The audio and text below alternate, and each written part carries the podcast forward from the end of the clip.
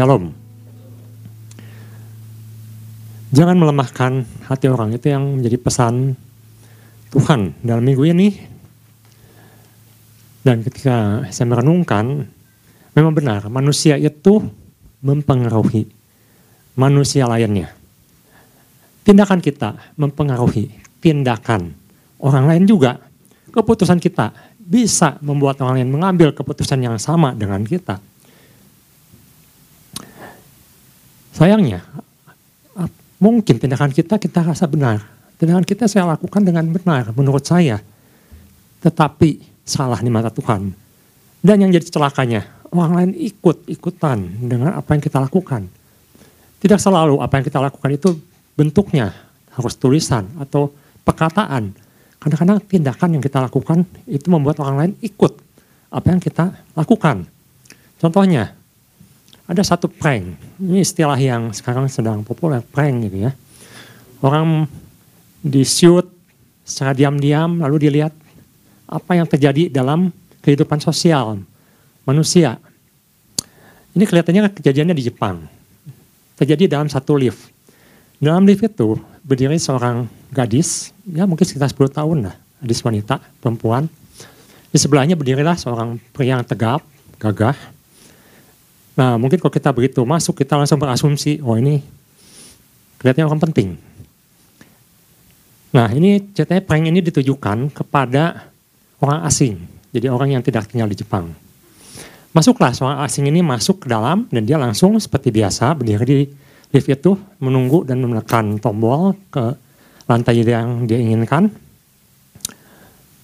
Tetapi ketika ada orang lain juga yang masuk, teman-teman yang sebenarnya sudah bikin skenario, mereka masuk ke dalam lift juga dan mereka selalu melakukan satu hal. Mereka akan memungkuk, menghormat kepada sang gadis ini. Dan itu berlaku berulang-ulang. Dalam setiap lantai, dua, tiga, empat orang melakukan hal yang sama. Nah, orang asing ini mulai berpikir, wah mungkin saya melakukan satu kesalahan.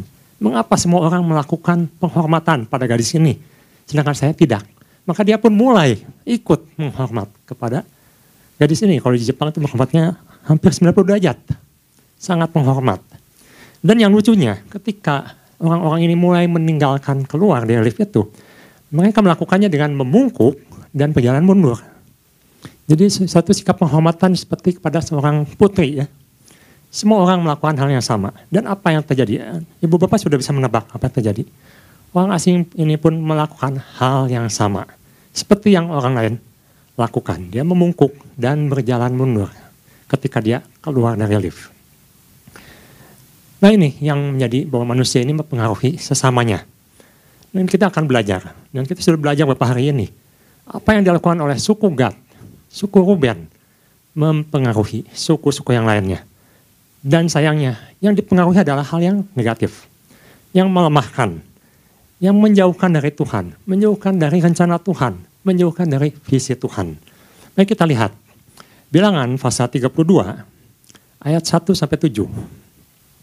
Bilangan pasal 32, ayat 1 sampai 7. Saya akan bacakan dengan cepat. Adapun Bani Ruben dan Bani Gad ternaknya banyak. Nah, tolong diperhatikan, ternaknya banyak. Diulang lagi, bahkan sangat banyak sekali.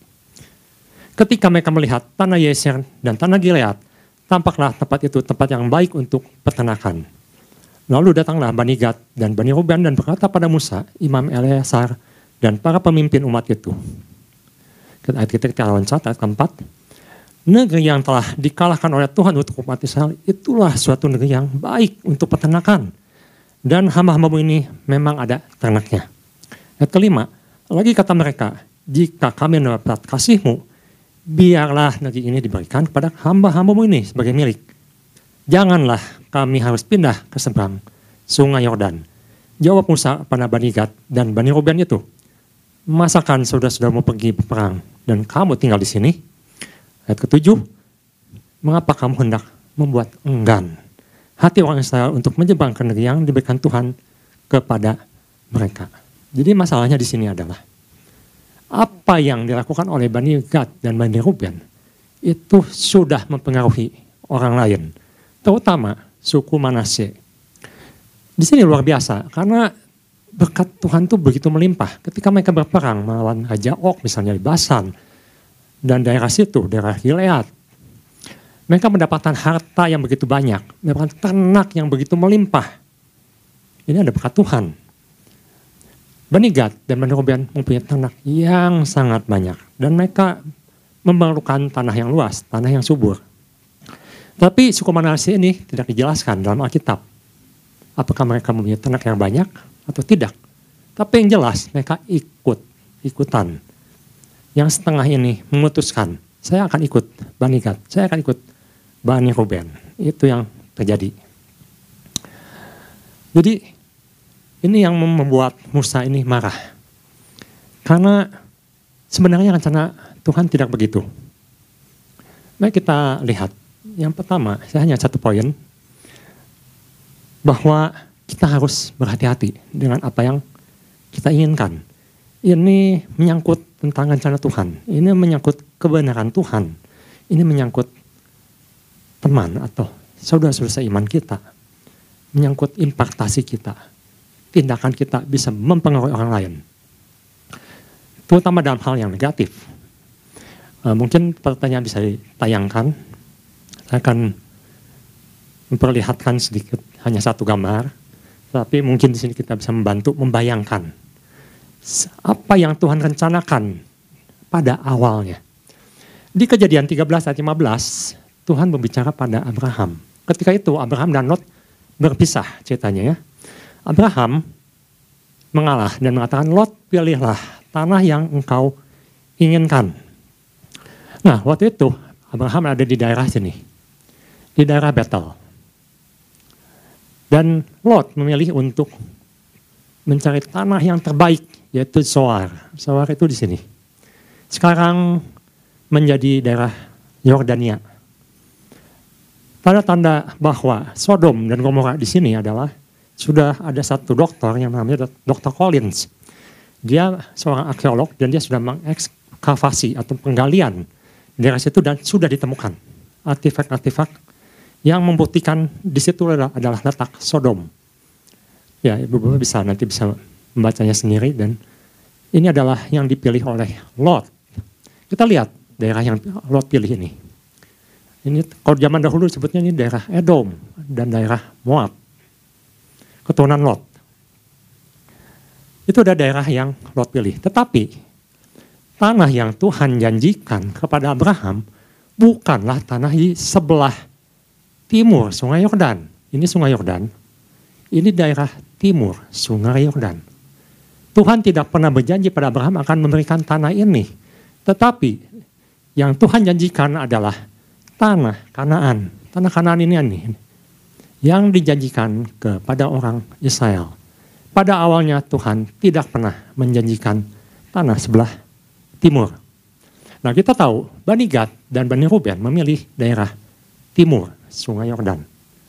Jadi mereka sebenarnya menyimpang dari rencana Tuhan. Ini perlu kita renungkan. Tuhan mempunyai satu rencana dalam kehidupan kita. Tetapi kadang kita mengambil rencana sendiri rencana sendiri. Daerah sini memang terkenal daerah yang subur. Dikenal dengan domba-domba dari Basan dan Gilead. Memang subur tanahnya. Kalau Bani Ruben dan Bani Gad berkata, tanah ini cocok untuk peternakan. Tanda kutip, benar. Tanah yang luas, tanah yang subur, tanah yang indah, segala sesuatunya mendukung. Pertanyaannya, apakah Tuhan punya rencana di sana? Apakah Tuhan memanggil bangsa Israel di sana? Apakah Tuhan memanggil kita untuk tinggal di timur Yordan? Rencana Tuhan bukanlah di sini. Rencana Tuhan adalah di sebelah barat sungai Yordan. Dari Kades Barnea sampai Dan. Itu yang ditulis dalam kitab Yosua. Rencana Tuhan adalah daerah barat sungai Yordan. Jadi memang pada awalnya Tuhan merencanakan atau menjanjikan kepada Abraham daerah yang daerah barat ini. Tetapi Bani Ruben dan Bani Gad dengan berbagai macam alasan yang akhirnya menjadikan satu kompromi dalam kehidupan bangsa Israel. Akhirnya tinggal di sebelah timur. Dan ini sangat membuat bangsa atau suku-suku lain menjadi tawar hati. Karena tujuannya bukan di sini. Tuhan suruh ke sini, Kanaan. Tetapi mereka memilih untuk memisahkan diri. Jadi ini adalah tentang rencana Tuhan. Rencana Tuhan yang Tuhan sudah siapkan untuk anak-anaknya. Yang terbaik. Mungkin suku Ruben, suku melihat ini adalah terbaik dalam kehidupan mereka. Tapi apakah itu yang terbaik? Yang sesuai dengan rencana Tuhan. Nah itu yang perlu kita renungkan. Apakah tindakan atau keputusan saya ini benar di hadapan Tuhan? Jangan-jangan apa yang kita anggap benar, apa yang kita anggap baik secara mata jasmani itu adalah salah di mata Tuhan. Bahkan membuat orang lain ikut menjadi salah karena tindakan kita. Kita lihat di sini. Jadi definisi baik itu apa? Menurut Dani Bani Gad, Bani Ruben, setengah Bani Manasye, mereka tinggal di daerah yang baik. Daerah yang cocok. Daerah yang mungkin mereka tidak akan dapatkan di kanan menurut mereka. Kalau dilihat, daerah ini ada the best. Bukankah dalam kehidupan kita kita sering juga, kadang-kadang mungkin saya juga melakukan hal seperti itu. Atau udah anak muda, punya kriteria untuk pasangannya. Mungkin mereka mencari yang fisiknya, baik, cocok menurut pandangannya, wajahnya, penampilannya, karakternya, cocok, baik, sopan, keadaan ekonominya baik. Apakah ini salah? Tidak salah. Apakah yang dipikirkan oleh Bani Ruben dan Bani Gad ini ketika melihat tanah yang begitu indah, begitu subur, tanda kutip adalah salah. Secara mata jasmani tidak salah. Tetapi apakah itu hanya sebatas materi? Ketika Tuhan memberkati dengan materi yang luar biasa, apakah kita hanya memandang sebatas materi? Apa yang bisa kita lihat? Bagaimana dengan rencana Tuhan dalam hidup kita? Kalau anak muda misalnya, apakah satu faktor ini dipertimbangkan. Bukan hanya fisik, bukan hanya materi, bukan hanya penampilan. Bagaimana dengan kerohaniannya? Bagaimana dengan panggilan hidupnya? Dengan bagaimana dengan pelayanannya? Bagaimana dengan kesungguhan dia mengikuti Tuhan? Apakah faktor itu dipertimbangkan? Atau kita akan mengikuti seperti bang suku Ruben dan suku Gad? Pokoknya Tuhan, ini ges cocok. Ini emang gak semua salah. Pasti ini Nggak ada lagi Tuhan. Kapan lagi saya dapatkan orang yang seperti ini? Baik, sopan, ekonomi baik. Zaman sekarang saya seperti ini susah Tuhan. Atau soal apa yang Tuhan berikan dalam proyek yang Tuhan dalam pekerjaan kita misalnya. Kapan lagi Tuhan? Ini proyek yang saya idam-idamkan. Ini proyek yang besar, proyek yang baik, proyek yang bagus, yang bisa saya handle. Kapan lagi saya dapat proyek kayak gini Tuhan? Tetapi apa kita memikirkan bahwa Tuhan punya rencana lain. Bukan hanya sebatas apa yang bisa kita lihat di sini. Sama seperti suku Ruben, suku Gad. Apakah tindakan kita ini akan membawa impaktasi yang baik pada orang lain?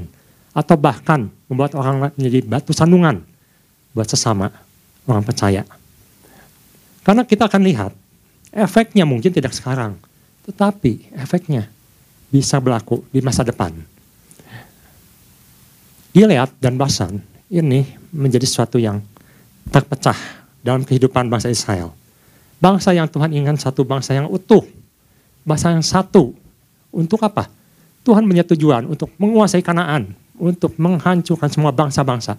Tuhan ingin bangsa Israel menjadi bangsanya Tuhan, pilihan Tuhan dan semua orang bisa melihat bangsa Israel di tanah Kanaan ini. Tetapi dua setengah suku ini memisahkan diri. Dan kita lihat bahwa kejadian atau efeknya mulai berdampak ketika di zaman Yefta.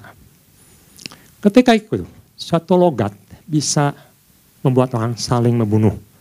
Yang terkenal dengan kata si bolet atau si bolet atau pakai y, si bolet atau si bolet.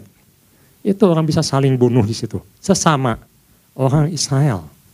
Karena mereka sudah memisahkan diri dan logatnya berubah. Kalau kita zaman sekarang, mungkin ada bilang shalom pakai H ada bilang shalom pakai Y. Apakah kita lalu bertempur gara-gara shalom atau salam? Enggak kan. Tetapi zamannya gitu, zamannya Yafta, orang bisa bunuh-bunuhan.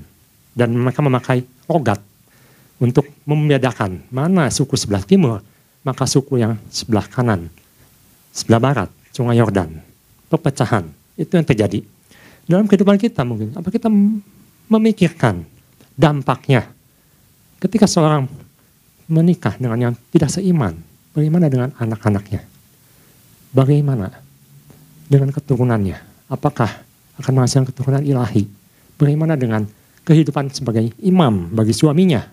Jika orang itu tidak percaya, faktor-faktor ini harus kita pikirkan dan memerlukan hikmat Tuhan, memerlukan tuntunan Tuhan dalam memutuskannya. Jadi Tuhan ini ingin satu satu kesatuan, satu tubuh yang Paulus katakan satu tubuh, bukan yang terpecah-pecah, bukan yang membuat orang menjadi saling menjauh, saling menjauh. Uh, kalau kita perhatikan, sebenarnya suku yang sebelah timur sebenarnya Yordan itu menjadi suku yang jauh. Bahkan ketika diserang oleh bangsa Asyur, maka suku ini yang paling pertama diangkut, bukan di Samaria atau Israel utara. Bangsa ini dulu, suku ini dulu, dua setengah ini dulu yang hilang dahulu. Dan lalu lenyap, hilang. Tidak jelas. Jadi suku yang terhilang ini, suku yang memisahkan diri dari rencana Tuhan. Bagaimana dengan janji Tuhan bahwa Tuhan ingin adalah kita ini menjadi satu imamat, uh, imam, satu bangsa, imamat yang raja nih, umat pemenang. Itu ada satu rencana Tuhan yang Tuhan janjikan. Tetapi yang Tuhan janjikan adalah di Kanaan, bukan di sebelah barat. Suatu kompromi ketika orang memaksakan diri dengan apa yang dianggap benar.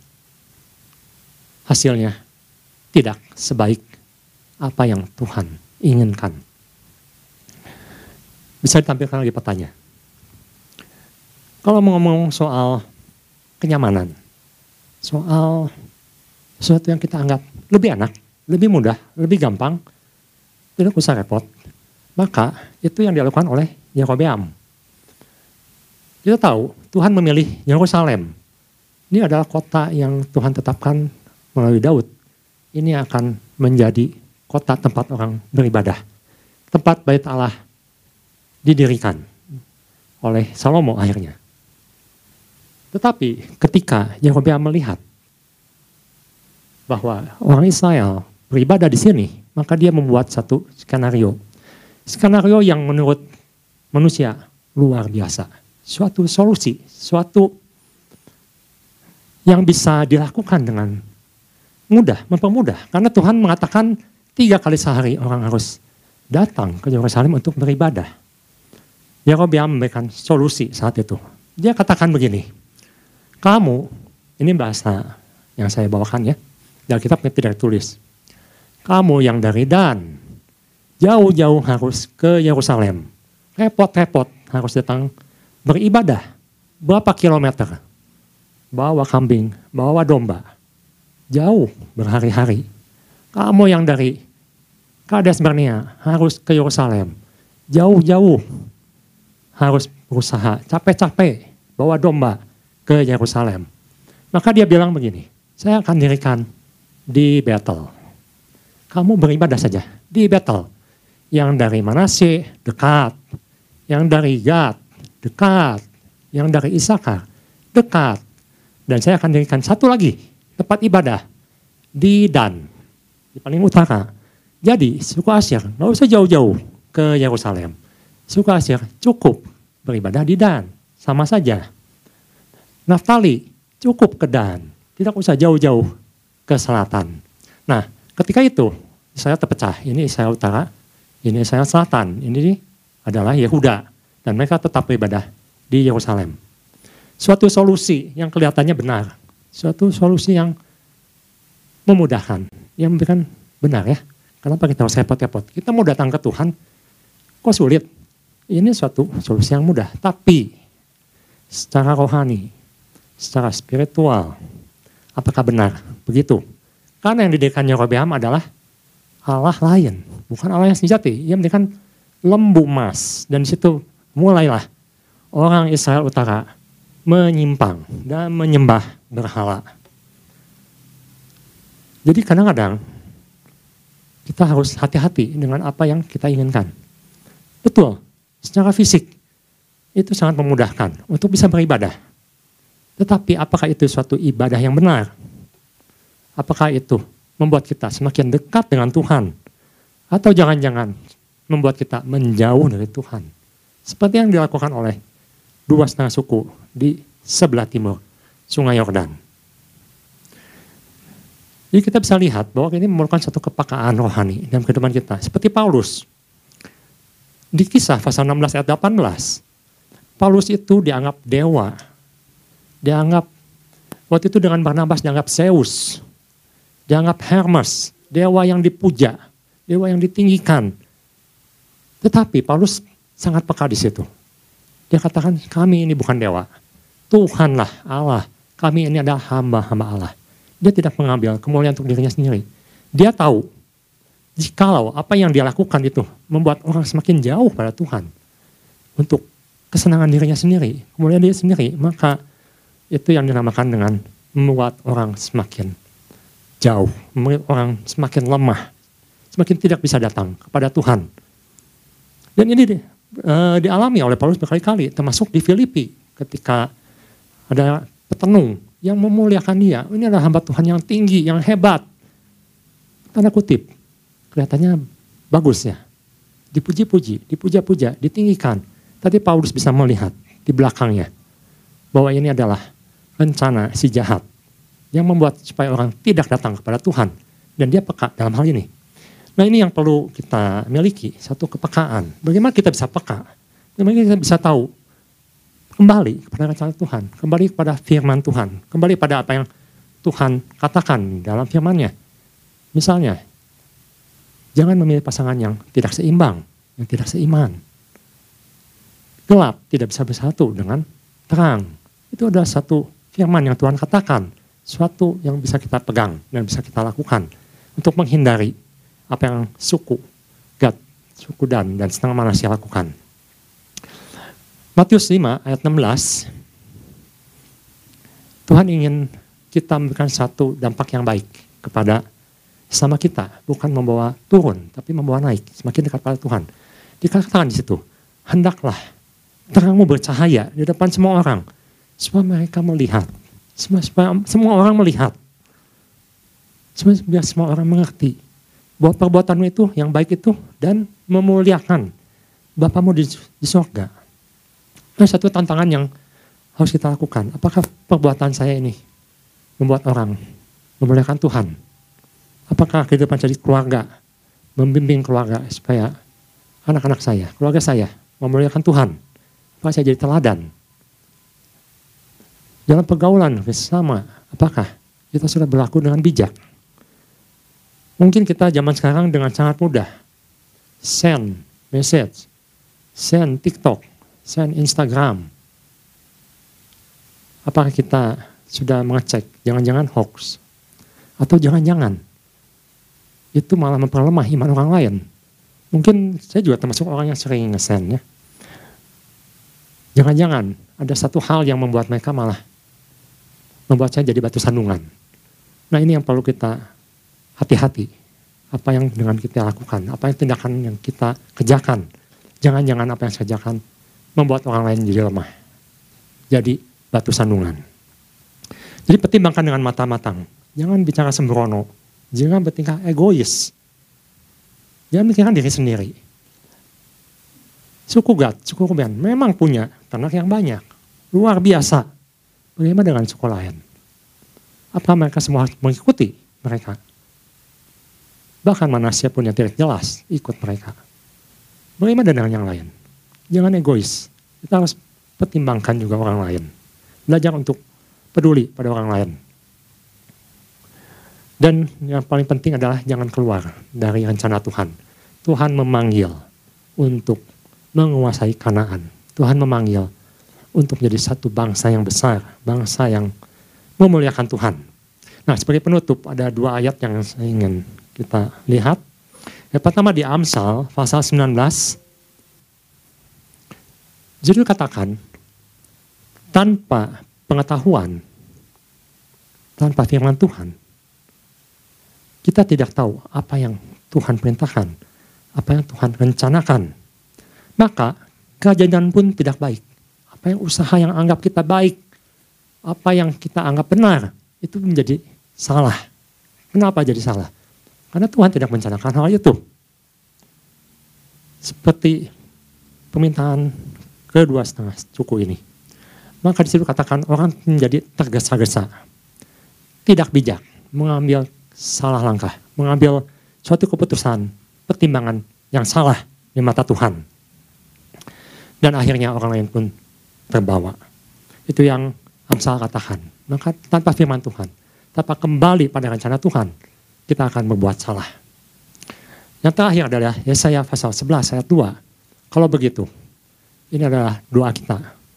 Biarlah Roh Kudus memberikan hal-hal ini supaya kita bisa memutuskan, bisa bertindak bijak, bisa bertindak hati-hati dalam kehidupan. Yang pertama adalah dia saya sebelah ayat 2 katakan mintalah supaya roh, roh Allah atau roh kudus memberikan kita roh hikmat. Atau hikmat pada kita untuk memutuskan berbagai perkara. Yang mana Tuhan yang harus saya ambil, yang mana Tuhan yang harus saya pilih. Itu roh yang memberikan pengertian atau understanding, suatu pengertian supaya kita tahu, oh ini yang menjadi rencana Tuhan, bukan yang ini, bukan di yang sebelah timur, tapi yang sebelah barat. Roh yang memberikan nasihat, supaya kita bisa mempertimbangkan sebelum melangkah nasihat yang diperlukan. Roh yang memberikan keperkasaan, keperkasaan untuk menolak apa yang ditawarkan. Kalau kita tahu itu salah, berikan kekuatan untuk menolak. Dan roh yang memberikan pengenalan, pengenalan akan Tuhan, pengenalan akan firman, jika kita mengerti. Dan roh yang membuat takut akan Tuhan. Artinya roh yang membuat kita memampukan untuk menjalani apa yang Tuhan rencanakan. Nah itu yang bisa saya bagikan. Sekian firman Tuhan dan biarlah doa ini membuat kita semakin kuat dan memilih hal yang benar. Sehingga menjadi berkat, bukan menjadi bencana bagi orang lain. Tuhan Yesus memberkati.